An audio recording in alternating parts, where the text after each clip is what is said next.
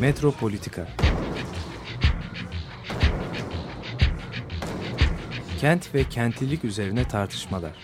Ben oraya gittiğim zaman balık balık balık balık tutabiliyordum mesela.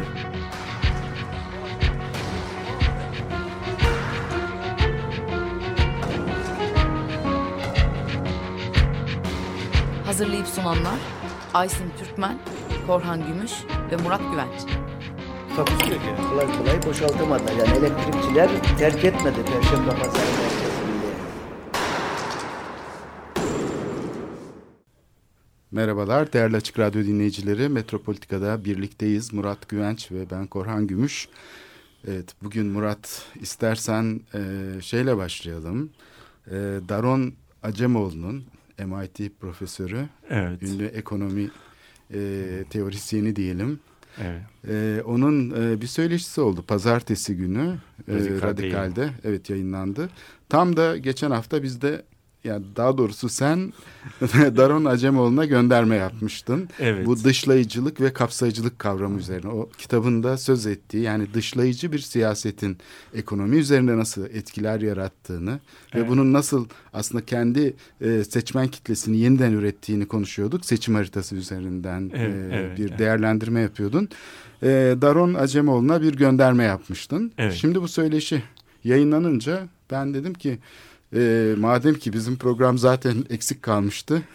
Bunu Senin biraz daha- anlatacakların vardı. O yüzden bu hafta tekrar e, bununla başlayalım istersen.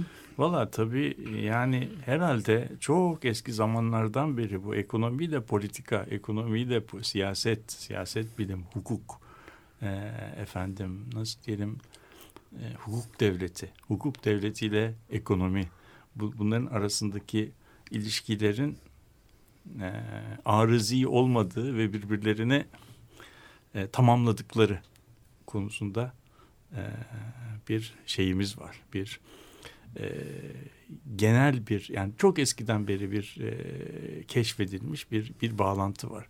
Şimdi e, geçen gün e, programda konuşurken ben de tesadüfen Boston'da Daron Bey'in e, bir sunuşunu dinledim. Çok önemliydi o şeyde. Yani birazcık da toplantının şeyiydi yani böyle star e, şeydi. Daron Acemoğlu şu anda çok önemli bir ödül almış. İsmini şimdi hatırlayamıyorum ama bu ödül böyle e, e, Nobel Ekonomi Ödülü'nün habercisiymiş. Yani Nobel Evet. Bundan Ee, söz ediyor zaten gazetede aynı zamanda. yani o ödülü alanlar daha sonra hani var ya bunu alanlar onu da almışlar. Kitapta söylüyorlar. Şimdi o e, kitabı o ödülü almışlar. Orada güzel bir konuşma yaptı ve bu önce konuşmasında da e, güzel bir e, konuşmaydı onu söyleyeyim. İki kısımdan oluşuyordu. Birinci kısmında kitabını özetledi. Yani kitabının ana tezlerini özetledi. Kitap kendisiyle bir başkasıyla beraber bir ortak kitap yazılmış. Bir e, ve tam da ilk başta açtığım konuyu irdeliyor. Yani e, acaba e, e, uluslar uluslar e, kaç yıl veya ne kadar süre e, kendisinin e, burada sömürücü diyorlar ama aslında İngilizcesi tam sömürü de değil. İng- İngilizcesi ekstraktif. Yani maden çıkarma, özünü çıkarma, suyunu sıkma, posasını çıkma. Hani böyle şey yani do- do- doğadan bir madeni çekip çıkarma gibi. Bu ekstraktif e, ekonomide de örnek olarak geçen gün e, konuşmada da vermiştim. Barbados adasındaki e, şeker kamışı üretimini anlatıyorlar. İncelemişler tarihi olarak. Barbados biliyorsun şeyin Karayipler'de bir ada şeker kamışı yetişiyor. E, ve o, dönemde bu- sanayi o- üretimi olmadan önce olmadan yani şekerin olmadan. en değerli ham petrol yok, petrol Evet. yok, kömür yok, Evet. şey yok. Bütün enerji kaynakları aslında e, yani animet yani canlı enerji. Yani insanlar üretimi elleriyle yapıyorlar ve Emek hayvan hayvan hayvan evet. güçleri kullanabiliyorlar veya işte bir miktar su gücü veya denizlerde yelken gücü ama esasen önemli şey insana enerji şey yapmak. İnsanın enerjisi de tabii şeker. Şeker e, yani en o zamanın hani petrolü gibi. Ve bu şeker kamışından da bunu şey yapmak, çıkarmak çok zor bir şey değil. Şeker kamışları kesiliyor anladığım kadarıyla zamanı geldiği zaman. Böyle bir e, nasıl diyelim yuvarlak e, şey, presten geçiriyorlar. Yani e, suyunu hani bizim merdaneli çamaşır makineleri vardı ya Evet, suyunu sıkmak gibi. Yani Evet. suyun yani işte o sık sıkma. ekstraksiyon. Eks, yani suyunu Evet. sıktığın zaman, suyunu sıktığın zaman o şeker kamışının içinden şey şeker böyle su gibi akıyor. Evet, Sonra şey, bu şerbet halinde. şerbet halinde. Sonra bu bir, bir teknikle donduruluyor. Yani bir külçe haline getiriyor. Bizim hani eski zamanlarda kıtlama şeker denen taş parçası haline geliyor. Kaya tuzu değil de kaya şekeri gibi bir şey. Sonra bu işte öğütülüyor. O zaman toz şeker oluyor veya parçalar halinde satılıyor filan. Yani böyle bir ekonomi. Hala bulunuyor bu şeker. Evet, evet, Dediğin tabii, gibi tabii, böyle e, şey taş parçacıklarına benzeyen Evet. bu şeker kamışından Yani bunu- üretilen şey, evet. şey hala e, şeyde var. Yani Küba'da Evet, mesela. evet. falan. Bunu bunu incelemişler. Yani bu nasıl yani bu ekonomi nasıl doğmuş? Yani sonunda da anla gelinen nokta şu. İngiltere'den, Fransa'dan, gelişmiş Batı ülkelerinden 3000'e yakın beyaz paralı kapitalist bu adayı işgal etmiş, toprakları satın almış. Ee, dışarıdan çalışan getirtmiş. Ama öyle bir sistem kurmuşlar ki bunlar zannediyorum Commonwealth'a yani İngiliz e, İngiliz Milletler Topluluğu'na üye olmuşlar uluslararası bir otorite olarak kraliçeyi tanıyorlar. Belki bir miktar vergi de veriyorlar. Onların şeyine uyuyorlar. Fakat kraliçe de onlara belki denizden bir e, donanmasıyla bir koruma e, sağlıyor. koruma sağlıyor. Fakat bunun haricinde anlaşılıyor ki bunlar kendi iç işlerinde sonsuz inanılmaz bir özelliğe sahipler. Bunlar 3000 aile toprakların tamamını e, satın almışlar. Ordu denen yani bütün güçler bunların elinde. Hukuk sistemi bunların elinde. Ondan sonra burada çalışan insanların da hemen hemen hiçbir hakları yok. Ve e, yapılan iş de çok basit. E, yani şeker kamışları ekiliyor. Şeker kamışlarının suyu sıkılıyor. Gemilere dolduruluyor. Bunlar yerlerde satılıyor. Ve gemi yükü şeker e, kam- e, şeker Avrupa'ya ihraç ediliyor. Gemi yükü de para buraya tekrar geliyor. Fakat burada bir e, yeni bir teknolojiye yatırım yok. E, bir gerek de yok. Yani çünkü bir yani altı yumurtlayan tavuğun üzerinde oturuyor gibi bir şey. Ve bu sistemin kendi içinde nasıl evrildiğini anlatıyor. İlk başta söyledikleri şey, e, getirdikleri e, dünyanın en zengin ülkelerinden bir tanesi. Yani kişi başına düşen e, gelir bakımından Eşit olarak dağıtılmasa madı da halde. hasa yani. Evet, petrol Tabii, gibi yani. Petrol gibi yani bugünkü Kuveytler, Katarlar filan gibi yani başka bir yerde e, elde edilmesi mümkün olmayan derece, derecede zengin bir e, şey Evet. var. Ve bu ama sistemin e, sistemin sürdürülebilirliği yok. Sistemin içinde bir yenilik üretilmiyor. İki böyle bir üretilmek için bir talep yok. E, ikinci taleplerin hiç her birisi yani en küçük talep bile sistemin e, kendini yeniden üretilmesine tehdit olarak görüldüğü için müthiş bir şeyle anladığım sertlikle bastırılıyor. E şimdi böyle böyle bir şey olduğu zaman bu sistem 100 sene dünyanın en yüksek gelirlerini oradaki 3000 aileye enjekte ediyor. Orada çalışan insanlar da bu e, yani şeker canları kanları pahasına bu şekeri üretiyorlar. Para kazanmak için. Para kaz- yaşayabilmek için Evet bizdeki inşaat sektörü gibi. yani, evet, para evet, kazanmak için, bunu bunu yapıyorlar. yapıyorlar. Evet. Ve bunu yaptıkları ölçüde de e, kendi ailelerini, gelirlerini yeniden üretiyorlar. Fakat sonunda işte bunun inceledikleri dönem, inceledikleri dönem 1700 dok- e, 1690'lar ile 1800'lerin başı. 1800'lerin başına geldiği zaman dünyada konjonktür değişiyor. Sanayi devrimi başlıyor. Büyük ölçüde de tabii enerji kaynakları değişiyor. E, ve enerji kaynaklarının değişmesi Napolyonik savaşlar dediğimiz savaşlar başlıyor. Öyle olduğu zaman İngiltere ile Fransa birbirlerine giriyorlar. Fransa inanılmaz büyük bir kara gücü. İngilizleri Avrupa'ya sokmamak istiyor. Onlar da dünyadan onlara şeker vermiyorlar. On, yani İngilizlerin de onlara hani ambargosu var. Fransız gemilerinin gidip bir yerden şeker alması engelleniyor. Onlar da İngiliz ticaretini şeye sokmuyorlar. Kontinent yani Avrupa kıtasına sokmuyorlar. Fakat bu böyle bir şey olduğu zaman e, çok ilginç bir şey oluyor. Fransızca'da pancarcılık, pancardan şeker üretebilmenin kimya gelişmiş, teknolojisi gelişiyor. O zaman kıta Avrupası şeker kamışına muhtaç olmadan bağımlılığını şey yaparak e, başka kaynaklara yöneliyor. Öyle olduğu zaman da artık bu e, şeker kamışı artık stratejik bir e, nasıl diyelim Meta meta, olma. olmaktan Çıkıyor e, yani. çıkıyor. Evet. Artık böyle keyfe keder bir şey hani şey e, bir de bu çeşidi var. Olsa da olur, olmasa Olsa da da olur. ama Evet. işte buna o o da o, o duruma düştüğün zaman da bu toplumun aynı gelir e, düzeyini sürdürmesi mümkün değil. Unutulmaması da mümkün değil.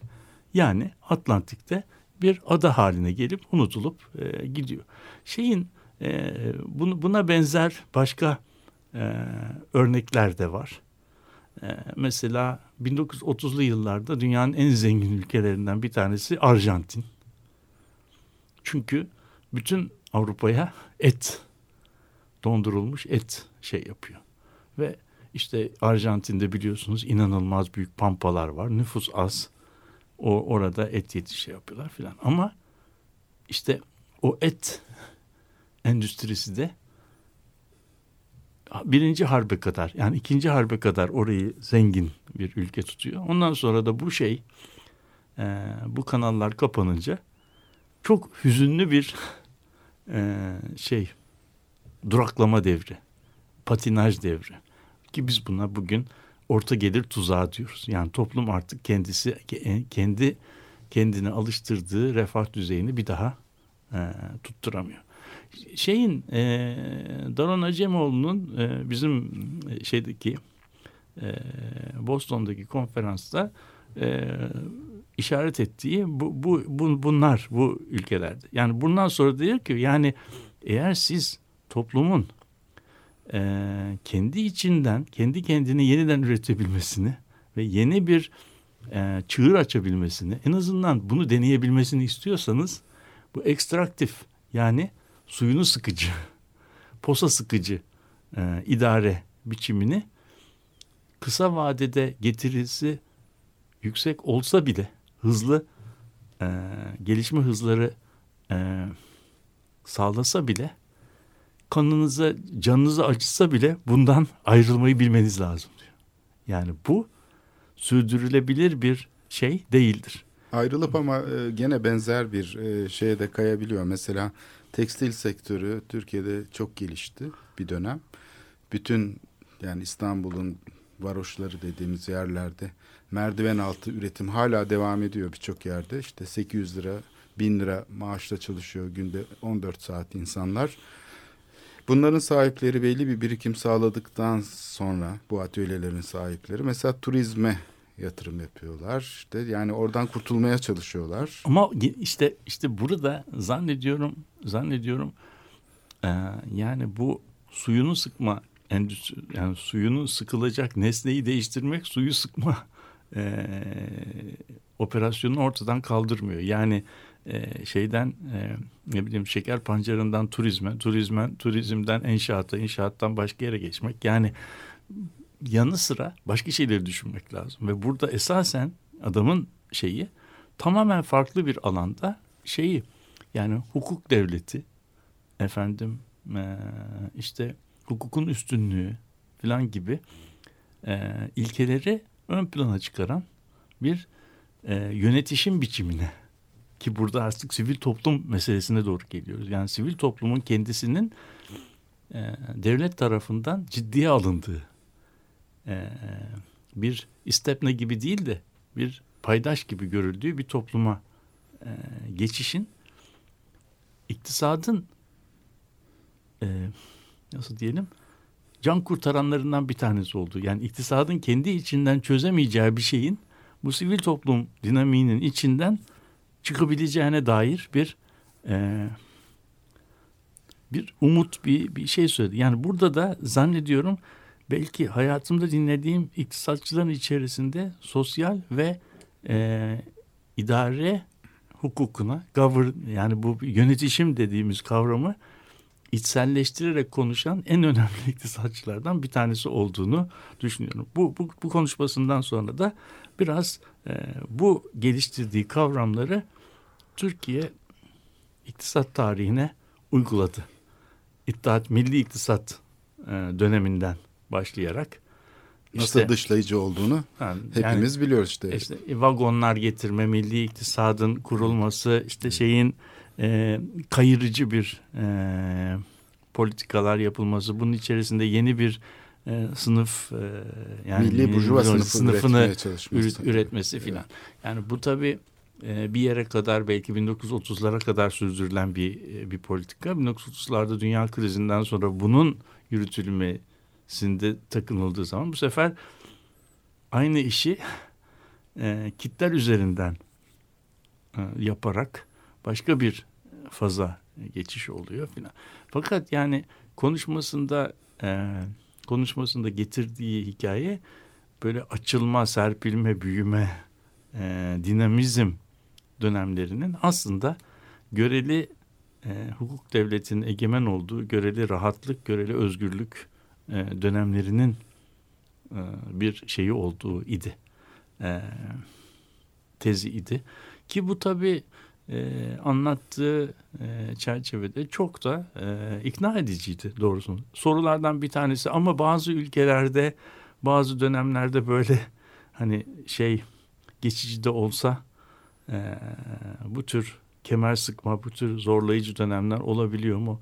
Bu sorunun çok güzel bir soru olduğunu söyledi ama yani modelinde buna pek bir şey yok. Yani e, yer yoktu yani o anlattığı çerçevede hani ne, nereye kadar bu devam edebilir, nerede dur diyeceğiz, nerede şey yapabileceğiz. Yani esas itibariyle galiba şey yaptığı nokta belirli bir refah seviyesine e, gelmiş toplumlarda artık bu e, dışlayıcı ve suyunu sıkıcı e, şeylerin zorlayıcı diyebiliriz.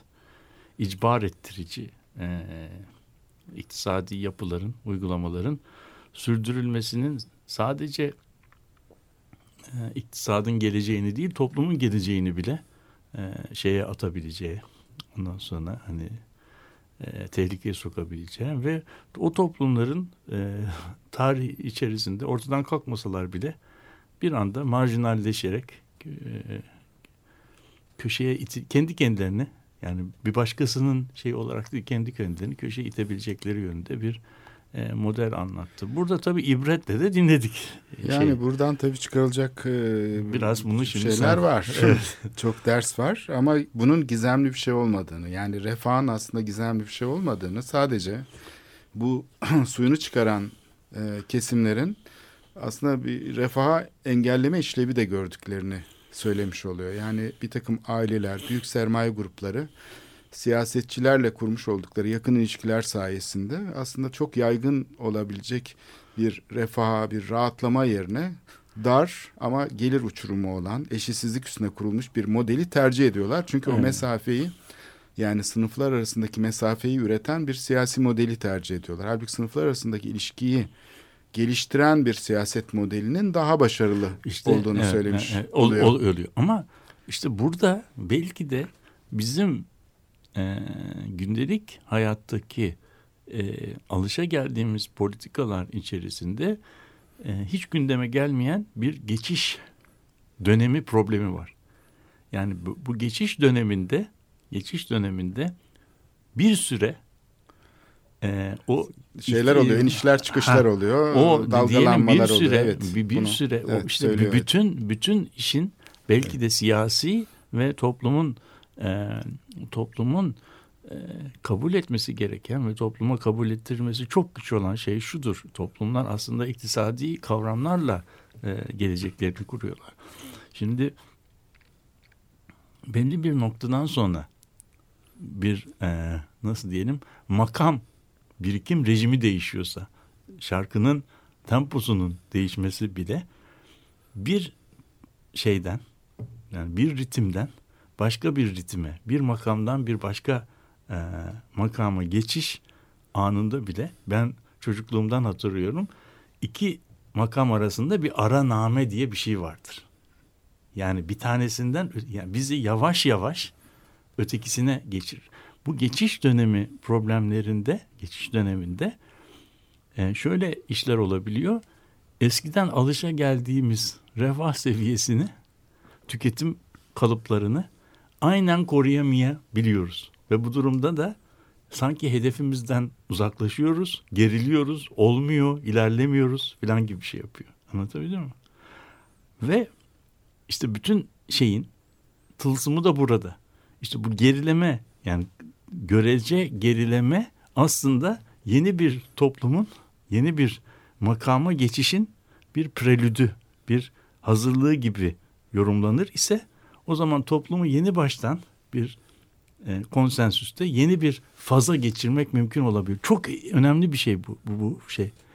E, burada burada patinaj yapmak, geriye düşmek ve de popülerlik kaybet, kaybetmek özellikle de eskiden daha iyiydi. Bak bunlar değiştirmek istiyorlar. Olmuyor. Bizim eski sistem daha iyiydi kavramını. Yani statükonun kendini savunabileceği inanılmaz derecede silahı var bu e, geçiş dönemlerinde. Çünkü her yaptığın aslında yeninin doğmasını hazırlayan ama getirisi hemen ani olmayan hazırlıklar.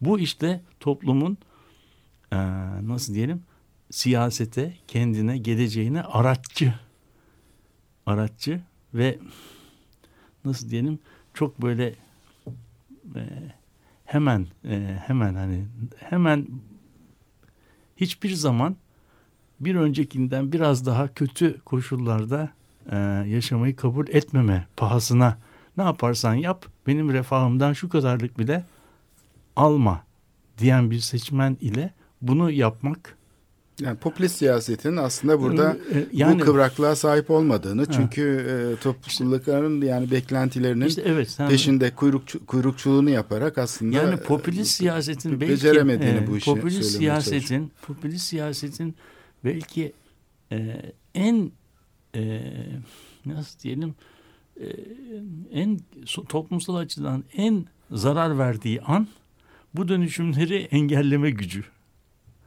Yani popülist siyasetin belirli bir anda belli bazı koşulların bazı krizlerin aşılmasında bazı şeylerin bir e, buffer mekanizma bir tampon mekanizma olarak hafifletici bir şey var ama popülist siyaset böyle yapısal e, değişimleri durdurduğu anda toplumun geleceğini de şey yapabiliyor. E, nasıl diyelim?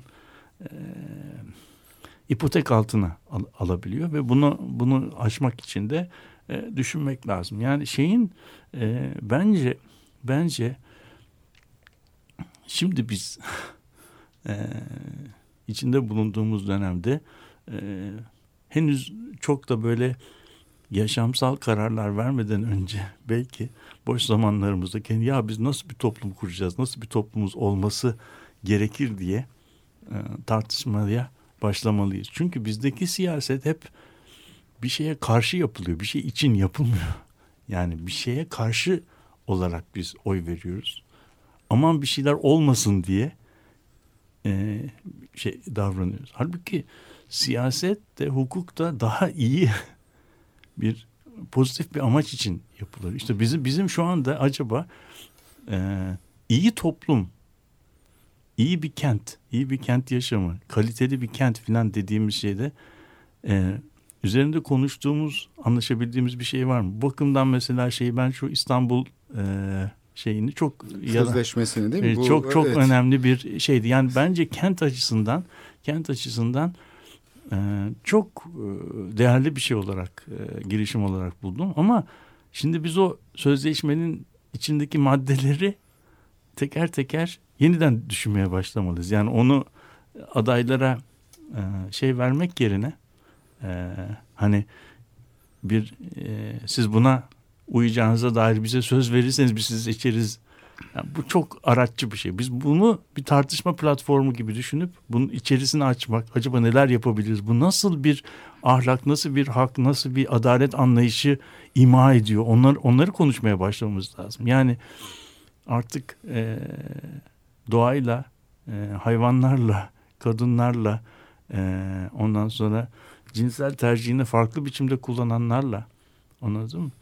E, turistlerle, fakirlerle, zenginlerle bu, bu farklı kenti nasıl e, idame ettireceğiz? Burada birbirimizin ayağına basmadan e, birbirimizin üzerinden para kazanmak yerine bir şey yaparak, bir şey üreterek e, Evet. e, Bunu değer yaratmayı nasıl yap, e, yap, tanımlayacağını aslında e, tartışmak e, sahiden e, biraz e, zorunlu çünkü mesafe koymayı gerektiriyor.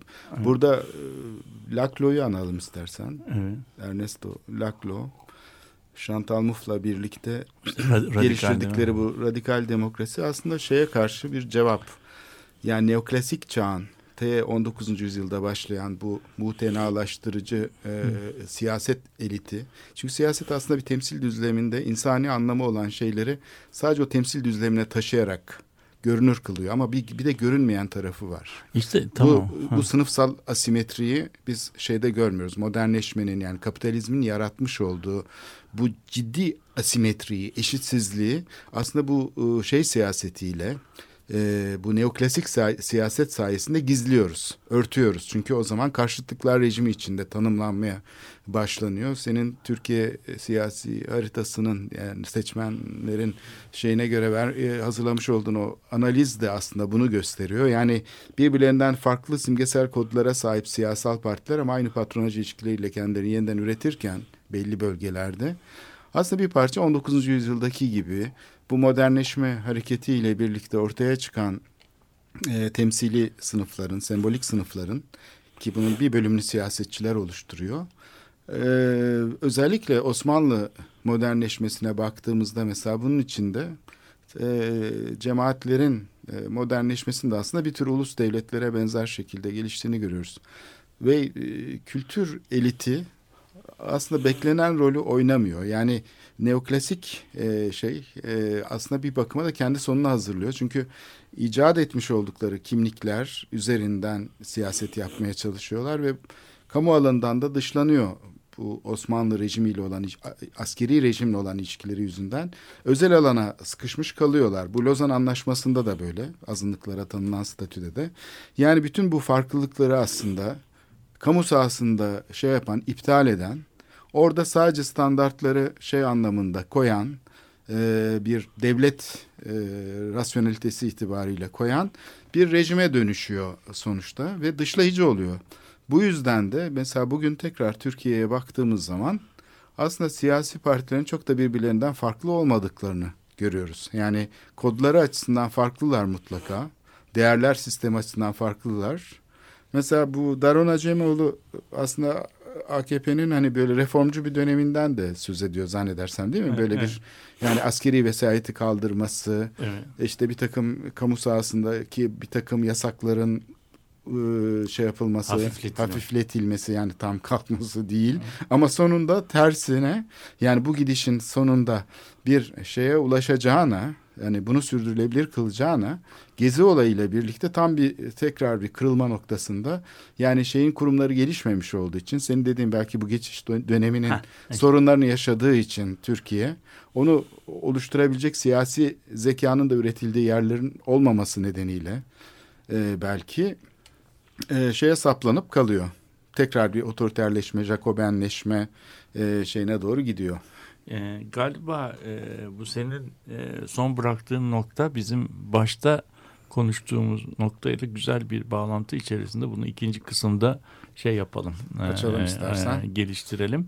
Çünkü e, ben galiba e, şimdi e, bu geçiş dönemi ile geçiş dönemi problematiği ile kullandığımız temsil e, modelleri arasında bir bağlantı kurabileceğimi düşünüyorum ama onu ikinci kısma bırakalım. Şimdi dinleyeceğimiz parça Talking Heads'ten dinleyelim istersen.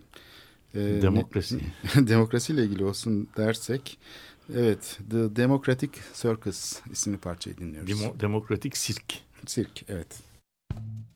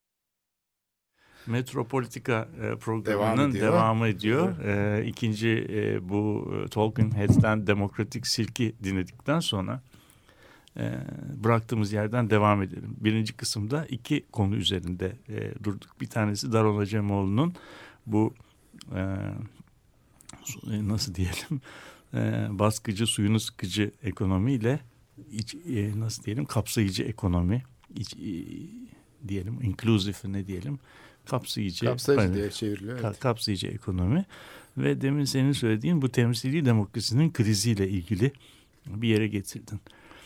Şimdi demokrasi, temsili demokrasinin krizi, temsili demokrasi neden krize girer? O mesele üzerinde duralım. Şimdi e, temsil problemini, reprezentasyon e, problemi e, şeyin felsefenin, bilimin en e, derin konularından bir tanesi.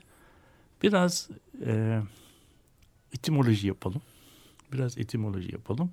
Bu etimoloji yaparken temsil meselesinin nasıl e, bugünkü krize yol açabildiğini, neyi çözdüğünü, neyi çözemediğini görelim.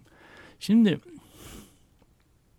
temsil bir şeyi gözümüzün önünde canlandırma o şeyinde.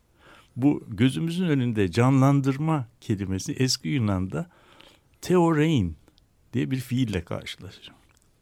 Teorein kelimesi İngilizce'de hakikati hakikati bütün özelliklerine saygı duyarak e, ortaya koymak demek.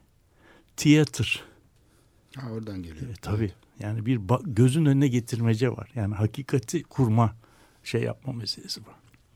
Bu teorein kelimesi e, klasikler tarafından Latinceye e, tercüme edilirken tabii ortam devlet sistemi bağlam değişmiş. Site devletlerden daha bir imparatorluk Roma İmparatorluğu'nun diline tercüme edilirken teorein kelimesi contemplatio diye tercüme edilmiş. Contemplation temaşa. Fakat contemplate kelimesinin içinde bu con prefiksinin içerisi con with demek yani ile demek. Esas kelime contemplate'in içinde template var. Template de mastar, kalıp demek. Temaşa, contemplate denen şey kafamızda bir kalıp yaratıp hakikati o kalıbın süzgecinden geçirerek gözümüzün önüne getirmek demek. Anlatabildim mi? Yani biz algıladığımız zaman aslında kafamızdaki imgeyi göre. yeniden üretiyoruz. Yani He. dış Bugün- gerçekliğe göre değil. Bugün dış gerçekliğin özgünlüğünü şey yapamıyoruz. Ve bugün bilişsel psikoloji bunu çözdü, bu problemi çözdü. Dediler ki biz tanıma, adlandırma, anlama, algılama aslında bir örüntü kurma demektir. Yani biz kafamızda kurduğumuz örüntülerle bu işi şey yapıyoruz. Şimdi buradan temsili demokrasiye gelirsek temsili demokrasinin bir kurgusu, mastarı var. Anlatabildim mi? Ve bu mastar bize dış dünyayı bir okuma imkanı veriyor. Dış dünya koşulları kısa vadede tehdit olmadıkça kendini yeniden üretme konusunda büyük baskılar yaşamadıkça bu bizim kurduğumuz kalıpları ve template'leri değiştirmemiz için hiçbir sebep yok. O zaman da temsili demokrasinin mükemmel çalıştığı dönemler oluyor. Fakat herhangi bir nedenle bizim etrafımızdaki dış dünya koşulları ile mastarımız arasında bir uyumsuzluk olmaya başladığı zaman mastar bize dış dünyanın distorted yani e, biraz yamuk, yamultulmuş bir resimlerini veriyor. Böyle olduğu zaman da bizim deminki şey yaptığımızda geçiş dönemi problemlerini çözemez haline geliyoruz. Çünkü bizim kurduğumuz e, zihinsel imgelerimiz bu yapıda değil. Temsili demokrasinin en büyük problemlerinden bir tanesi kendi kendini kendi içinden yeniden üretmekte e, zaaflarının olması. Özellikle ruhuna değil de araççı olarak Maddi yani olarak yor- yor- yor- için. yorumlanırsa Evet. o zaman e, dış dünyanın fakirleştirilmiş bir e, imgesini bize e, su- sunuyor. Şimdi peki buradaki problem ne? Buradaki problem e, bir e, fazdan, bir evreden bir başka evreye nasıl geçilir problemini çözecek bir kalıba ihtiyacımız var. Bu kalıbın da kendisi statik olamıyor. Statik kalıplar bunu yapamıyorlar. Bunun da en güzel örneklerinden bir tanesi eski Yunan'da Zeno paradoksu denen bir paradoks vardır. Biliyorsunuz Zeno'nun paradoksu okun hedefine hiçbir zaman geometri dilinde varamayacağını söyler. Çünkü geometride ok hedefiyle kendi arasındaki mesafenin yarısını kat eder. Ondan sonra kalan mesafenin yarısını kat eder. Anladın mı? Fakat geometride mesafe sonsuza kadar bölündüğü için Yaklaştıkça yaklaşır ama, ama bu erişemez. varamaz. Evet. yani o zaman o yani Tamam, orada evet. kullandığımız geometri dili geometri dili okun hedefine varmasını bile açıklayamıyor. Şimdi bizim o yüzden bu kalıp katı statik kalıplardan dinamik ve değişime değişimi içeren bir kalıba geçmemiz lazım. Bu kalıbın nasıl kurulacağına dair sorguladığımız zaman da gelinen nokta ne biliyor musun? Gelinen nokta bunun temsili olamayacağı. Evet. Te- te- temsili olamayacak. Bizim bu temsil probleminin ötesine geçmemiz ve bizim bu hareketi içeren bir yani temsili hareketle beraber e, ele alan yeni bir e, e, yeni bir teoriye e, ihtiyaç. Buna da İngilizce'de temsil dışı yani non representative teori. Yani öyle bir teori ki temsil problemini aşmış veya temsil probleminin ötesine geçmiş. Bu değişimi içeren bir e, buna baktığın zaman da bunun adına performatif teori. Yani eylemi eylemi dışlamayan, eylemi eyleminden öğrenen, öğrendiğini eyleme koyan yeni bir e, yeni bir bilgi, bilim, yönetişim anlayışı. Ancak böyle olduğu zaman biz geleceğini şey ipotek altına almayan yeni bir e, toplumun kurulabileceği konusunda e, bir umut taşıyabiliyoruz. Ama tabii bu e, yani per- burada şimdi bir yerleri bir şeyleri görmeye başlıyoruz. Sivil toplum hareketleri, katılımcılık, efendim dışlayıcı olmamak, iletişim bunlar hani e, kenar süsü şeyler değil. Yani, Yani bunlar işte yani olmazsa da o- olur. Ha. Bizim yapma öyle bir şey yok. Bunlar yaşamsal şeyler. Böyle bunlar ancak bunlar olduğu zaman toplum kendi kendini yeniden üretebilecek bir performatif yapıya şey yapar. Ama bunu Anlatabiliyor işte bunu çok zor öbür dilde kurmak. Yani Evet, bugün tabii. siyasetçi katılımdan söz etsen hani işte bu da işte mimar arkadaşımız belki işte bir takım mimarları da temsil ediyor olabilir. Mahalle Meslek merkezleri, odası falan. toplum merkezleri Onun için yapalım. dinleyelim falan şeklinde algılıyor olabilirler meslek odalarını falan. Yani çünkü bu dilde bir problem var. Yani bu temsil üzerinden oluşan dilde. Dolayısıyla hani karşı çıkışları da muhalefeti de itirazları da hatta bazen e, radikal karşı çıkışları da böyle darbecilik işte bilmem ne falan paralel devlet falan gibi algılayabiliyor siyasetçi. Burada e, iki tane çok temel şey var. Bir tanesi hani Althusser'in aslında Louis Althusser'in e, söylemiş olduğu bu e, teorik pratik dediğimiz yani aslında teori dediğimiz şey saf teori değildir sadece simgesel bir faaliyet değildir. Aslında içselleştirmiş olduğu pratikler vardır biz onları göremeyiz. Aslında hep hani bir gözümüzdeki gözlük gibi bizim dünyaya bakmamızı sağlıyor ama ama aramızda bir gözlük var. Gene o temsil araçları ile.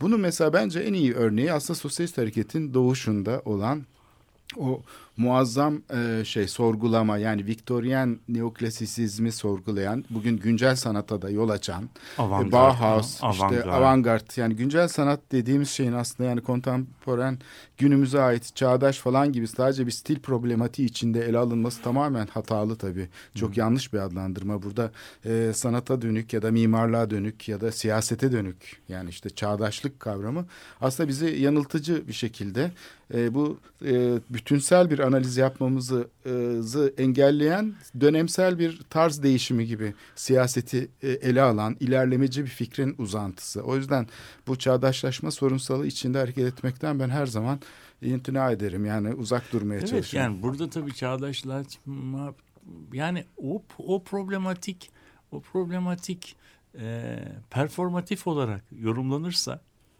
başka bir anlamı var.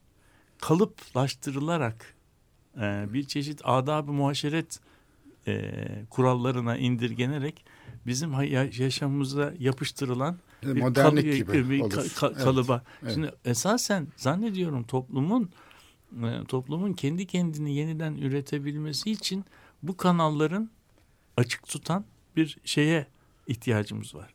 Ama gel gelelim ki gel gelelim ki bana desen ki al sen şimdi iktidarı ele geçir bunu yap. Yani bu, bunu bu bir iktidar sahibinin Yapabileceği bir bir, şey, değil. Tabii. İkincisi bu hayata geçirmek için iktidar gerektirmiyor. Bu Evet. anlatabildim? İşte yani bu İstanbul Sözleşmesi'ne Evet, atıfta evet, bulunman bu evet, açıdan çok evet, güzeldi. evet, Çünkü siyaseti ancak iktidar yoluyla yapılabile, yapılabildiğini Yani bir- gösteren bir- siyasi bir- anlayışa karşı bir tutum aslında. Evet. Yani bu durumda bu durumda şöyle şeyleri düşünmemiz lazım. Ee, şehir bizim dışımızda orada olan taşlar, kurallar, e, estetiklerden ibaret bir şey değil. Şehir bizim hep beraber yapıp ettiklerimizle sürekli olarak oluşan Yani hem yapıp ettiklerimizin sonucu hem yapıp ettiklerimizin etrafında bir matrix çerçeve oluşturan bir bir şey. Yani biz şehri de şehri yaparak şehrin içinde kendimizi kuruyoruz. Bunu yaparken bunu yaparken de e, kurallara ihtiyacımız var. Doğru.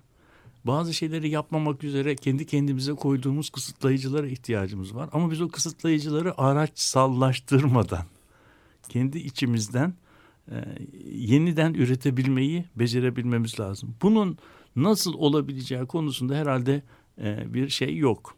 E, hazır reçete yok. Ama e, denem denenmesi lazım. Denenmediği takdirde de e, bir çözüm bulabilme olanağımızın da olmadığını düşünüyorum. O yüzden küçük Deneysellik e, diyorsun. tabii, tabii Yani performatif Evet. deneysellik ve kanallarının açık tutulabildiği ve e, toplumun bir şeyleri yaparak kendi yani sorumluluk alarak bir şeyleri yaparak on, yaptıklarından öğrenerek öğrendiklerini hayata geçirerek e, yeni yeni bağlantılar kurmasını sağlayıcı bir şey. Şimdi İzmir Belediyesi'nde İzmir Belediyesi'nde İlhan Tekeli'nin e, yönetiminde bu, Bu kıyı- konu- hayır bu şimdi İzmirliler Tarih Projesi diye bir proje Ha, var. Ben kıyı yönetiminden Kıyı bu bu çok önemli bir proje. Ondan daha büyük bir proje. İzmir'de e, şey kemer altından Kadife Kale'ye, Kadife Kale'den şeye kadar e, Alsancak'a kadar yani İzmir'in tarihi Şehir merkezi tarihini y- yeniden- yapmak gibi. Yani şimdi Evet. bugün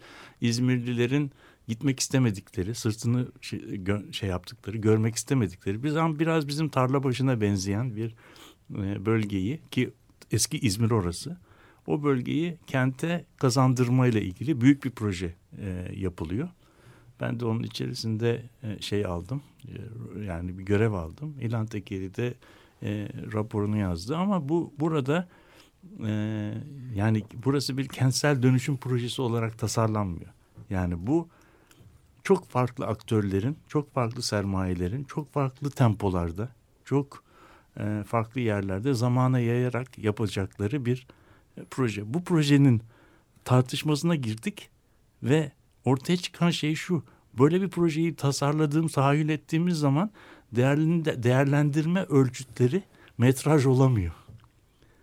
İn, eksiltme ve arttırma İhale kanunu o- o- olmuyor. olmuyor. Piyasa Ödeleri olmuyor. olmuyor. Evet, Ve burada bağımlı bu, süreçler ha, bu, bu evet. burada yaptığından öğrenen, öğrendiklerine göre yeniden şey yapan tıpkı bir e, performatif bir planlamaya doğru bir e, geçiş şeyi oluyor. Bunu deneyeceğiz. Bakalım inşallah başarabiliriz. Ama bu zannediyorum Türkiye'deki önümüzdeki yıllarda kent e, şeyi konusunda yani kentsel konu, e, alanların dönüşümü şey konusunda bizim bildiklerimizden çok farklı bir şeye gidecek. Ama e, işin ilginç tarafı hazır reçetesi yok. Yani sadece nelerin yapmamamız gerektiği konusunda bir sınırlar çiziyoruz. O sınırların içerisinde neyin yapılacağı paydaşların e, müzakeresiyle olacak. Yani bazı şeyleri denemek küçük mahalle parkından şeye kadar bu deneylerin bazıları da çok çok öğretici şeyler olabilir. Yani ben onu düşünüyorum da.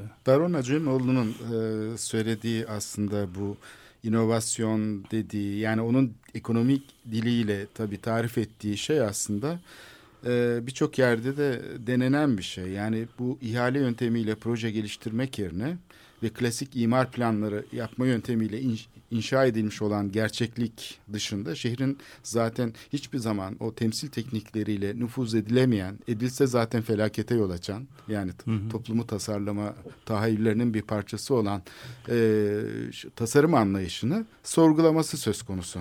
Yani Daron Acemoğlu aslında ekonomik alandan bizim şehir planlama dediğimiz şeye ilişkin aslında önemli bir tez getirmiş oluyor. Yani bunu böyle bildiğimiz kalıplarla işte uzmanların dar açıdan baktıkları ve inşa etmiş oldukları doğrularıyla tanımlamayı değil aslında Evet. ilişkisel bir şekilde, çoklu Evet, bir şekilde. birçok boyutundan bakarak ve Yani- bunun sürekli temsil olduğunu fark ederek. Yani bu bir Evet. gerçek değil. Yani bize Evet. güncel sanat neyi gösterir? Aslında bu bir gerçek değildir. Bu her zaman bir temsildir. Bu bir pipo değildir gibi. Yani bu bir şehir değildir. Bizim çizdiğimiz şey şehrin kendisi değildir. O bir plandır, o bir temsildir. Çok faydalıdır. Evet. Akılcılaştırma sağlar, bir takım şeyleri önceden öngörmeyi sağlar ama şehrin hiçbir zaman kendisine ulaşamazsın. Evet. Her zaman ona bir mesafede kalırsın. Evet. Yani o işte yüzden oradan bu temsil- hakikate saplanıp kalmamak diye Evet, evet. Yani işte o- özetleyebiliriz bu yani sonucu işte bu aslında. temsil temsil problemi o yüzden temsil problemini çözebilmek için temsil probleminin ötesine geçmek, temsili performatif bir temsil olarak almak. Yani bitmiş bir şey değil de yapıp edilen bir e, temsil yani bir bir performans gibi almak. O performansın üzerinden de e, öğrenmek. Yani e, kurumları, e, estetiği, kuralları e, şeyleştirmeden, reifiye etmeden yaşantının doğru parçası içerisine e, yani yaşantının ayrılmaz, bütünleşmiş bir parçası haline e, koymak gerekiyor. Zor bir iştir. Zor bir iştir. E, ama e, belki e, belki bu yani ufukta çok parlak ışıklar görmediğimiz e, bir ortamda bu konu üzerinde e, biraz düşünmemiz lazım. Boş konuşuyor gibi gelebilir ama yani evet. Ee, şimdi bu işler hani böyle inşaat yapmak hemen işte biz asfaltı dökelim geçelim falan türü işler değil. Bunlar e, uygulamayla mesafe ko- koymayı gerektiriyor. Yani telaşa değil biraz daha düşünmeye Ha. e, imkan tanıyan işler. E, müteahhitlik işleri tabii öyle değil. Mesela Değil, yeni zaman- kapı dolgusunu yapan müteahhitlerin düşünmeye vakitleri yok. Onlar metre bir kap. metre mekap taşıyacakları şeyle para kazandıkları için. Evet. Dolayısıyla onlara e, ya bu proje de iyi olmadı falan deyip onlarla tartışırsak herhalde kafamıza bir yumruk yeriz. Hayır yani E, onun, öyle- onu o, o, o, o, o artık o iktisatta bir de bir şey var. Giden gitmiş yani. Adam Evet. oraya zaten dolduracağı kadar e, şeyi doldurmuş. Şimdi biz biz başka bir şey düşünmemiz lazım. Yani acaba geleceğin İstanbul'u hakkında mu yani e, bir şeyler im, imel yani bir, bir, bir, e, hayal kurmak e, en ucuz şeylerden bir tanesi. Yani o bu Parayla yani değil hayal para- kurmak para- ama işte ama işte işe yaraması için ne evet, yapmak yani lazım bunu, bu hayalleri. Bunu, evet yani işe yaraması için. Çünkü küçük- hayalleri sürekli dışlayan, önemsizleştiren, görünmez kılan e, bir siyasi pratikle şu anda teçhiz edilmiş durumda Evet, Türkiye. evet. Yani öyle bir siyasi pratik ki e, ekonomik gelişme, kalkınma ve şeyden başka e, ideoloji aslında bir felç edici şey gibi de işlev görüyor. Bu neoliberal sistemin hala milli şeylerle beslendiğini, kutsal bagajla beslendiğini düşünürsek o da düşünceyi felç ederek öbür taraftan işlev görüyor. Yani neoliberalizmin iki tane temel şeyi var. Belirgin e, e, teçhizatı var, alet kutusu var. Bunlardan bir, te- bir tanesi gizli saklı duran, kriz yaratmaya yani kavga çıkarmaya hazır ideoloji. Onu bir şiddet mekanizması olarak hep saklıyor. Ben seni istersem yani böyle yaparım bu ülkeyi diyen bir şey. Öbür tarafta O da sopa. tamamen ha, sopa. Öbür tarafta da piyasaya teslim olmak. Çünkü e, yani geçen gün bir iş adamı, inşaatla meşgul bir iş adamı e, şeyi Bomonti Tina tarafı. deniyor ona. There is no alternative. Yani, Öyle mi? Yani, E, aman siyaset bulaşmasın, ekonomi iyi gidiyor gibi bir demeç vermiş. Yani bu siyasetsizleştirme e, operasyonunun iki ucu var belki de. O açıdan yani bu şeye kanmamak lazım. Yani aman işte yapalım, uygulayalım, inşaat yapalım, para kazanalım değil. Bu basbayağı yani bu bu önerme de zaten belli bir paradigmanın dayatması. Dolayısıyla nefes almak için e, para kazanmasa da mimarlar, e, mühendisler, işte üniversitelerdeki insanlar da mesafeli durarak şu şehrin e, hır e, ne denir harada gürelesi içinde kaybolmadan durumu düşünecek fırsatlar yaratmaları gerekiyor. Bu günlerde aslında güzel bir fırsat da var. Bu sefer de Etiyen Balibar'ı analım. Çünkü bu akşam e, dün salı sabah Ahmet İnsel e, sabah programında söz etti gerçi ama bu siyasetle işte şiddet ve e, medenilik üzerine Türkiye, Türkçe'de de basılacak olan kitabının yakında çıkacak olan kitabının da e, temel alan bir konuşma yapacak Fransız kültürde. Program tabii 11'de başlıyor ama e, akşama kadar sürüyor ve e, e, üç gün boyunca devam eden Galatasaray bir, Üniversitesi'nde. nehir, nehir konuşma yani. Evet. İstanbul bu açıdan aslında önemli düşünürleri Evet, ağırlamaya e, başladı. ağırlamaya başladı. E, bu da Gezi olayının bir kazancı diyebiliriz. Hani Gezi Şeyin sonrası tabii bazı- sokakları evet, e, bazı- şeyleri falan değil biraz da düşünme imkanları da ortaya Bu, çıktı bu galiba. iktisat e, işinde e, bazen veya toplumsal süreçlerde bazen de e, bazen de e, yapıp ettiklerimiz kastedilmeyen sonuçlar e, doğuruyor. Bir tanesini geçenlerde bir yerde okudum ve çok hoşuma gitti. Zenginliğin kaynağı altında ve külçede aranırmış. Onun için bizim külçelerimizi memleketten kaçırmayalım diye sıkı şey Gümrük Evet, duvarları falan gümrük. sınırlar. ama ne ithal ediyorlar ne de mallarını dışarıya da satıyorlar. Yani kim iç içe işte içe kapanı ekonomi yaparken de buluşçuluğu geliştirmişler. Yani kastetmeden farkında olmadan. e, yani mallarımız paramız dışarıya gitmek gitmesin diye yapılan aletleri aletleri memleket içerisinde Ulus yapmaya başladı. böyle icat İşte- edilmiş işte- galiba. Yani işte bu, bu, bu bazen de kastedilmemiş şeyler de oluyor. E, Yaşam gerçekten bayağı kompleks bir şey yani Evet. onu teslim etmeliyiz. Evet bütün hayat kompleks zaten. Biz onun ne kadarını algılayabiliyoruz ve ne kadar değiştirebiliyoruz. Orası da bir muamma. Evet. En Ama azından devam bu edeceğiz. süreci Devam izlemek edeceğiz. açısından bu programda bir birkaç tane şeye değinme fırsatı bulduk. Aslında değinecek çok daha farklı başka konular da vardı. Ee, bugünlük bu kadar diyelim. Haftaya görüşmek üzere. Hoşçakalın.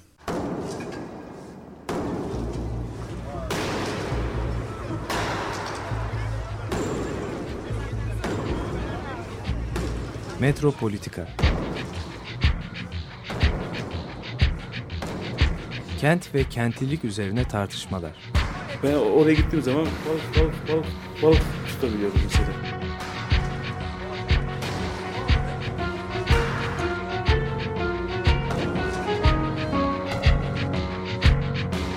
Hazırlayıp sunanlar Aysin Türkmen, Korhan Gümüş ve Murat Güvenç. Takusuyor ki. Kolay kolay boşaltamadılar. Yani elektrikçiler terk etmedi Perşembe Pazarı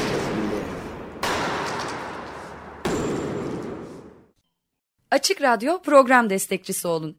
Bir veya daha fazla programa destek olmak için 212 alan koduyla 343 41 41